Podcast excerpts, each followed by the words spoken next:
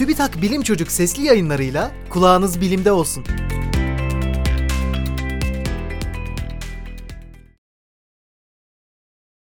İlk kez bir böcek beyninin tam haritası çıkarıldı.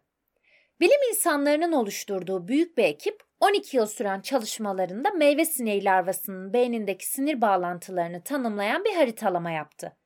Bu şimdiye dek yapılmış en büyük ve en karmaşık beyin haritası. Larvanın beyninin elektron mikroskobu yardımıyla elde edilen görüntüleri bir araya getirilerek harita oluşturuldu. Haritada 3016 sinir hücresi ve aralarındaki 548 bin bağlantı bölgesi 3 boyutlu olarak gösterildi. Daha önceden iki solucan türünün beyin haritaları çıkarıldı ancak bu hayvanların beyinleri yalnızca birkaç yüz sinir hücresinden oluşuyordu. Son zamanlarda bilim insanları beyin haritalamada epeyce yol kat etti ancak var olan teknoloji insan beyni için henüz yeterli değil.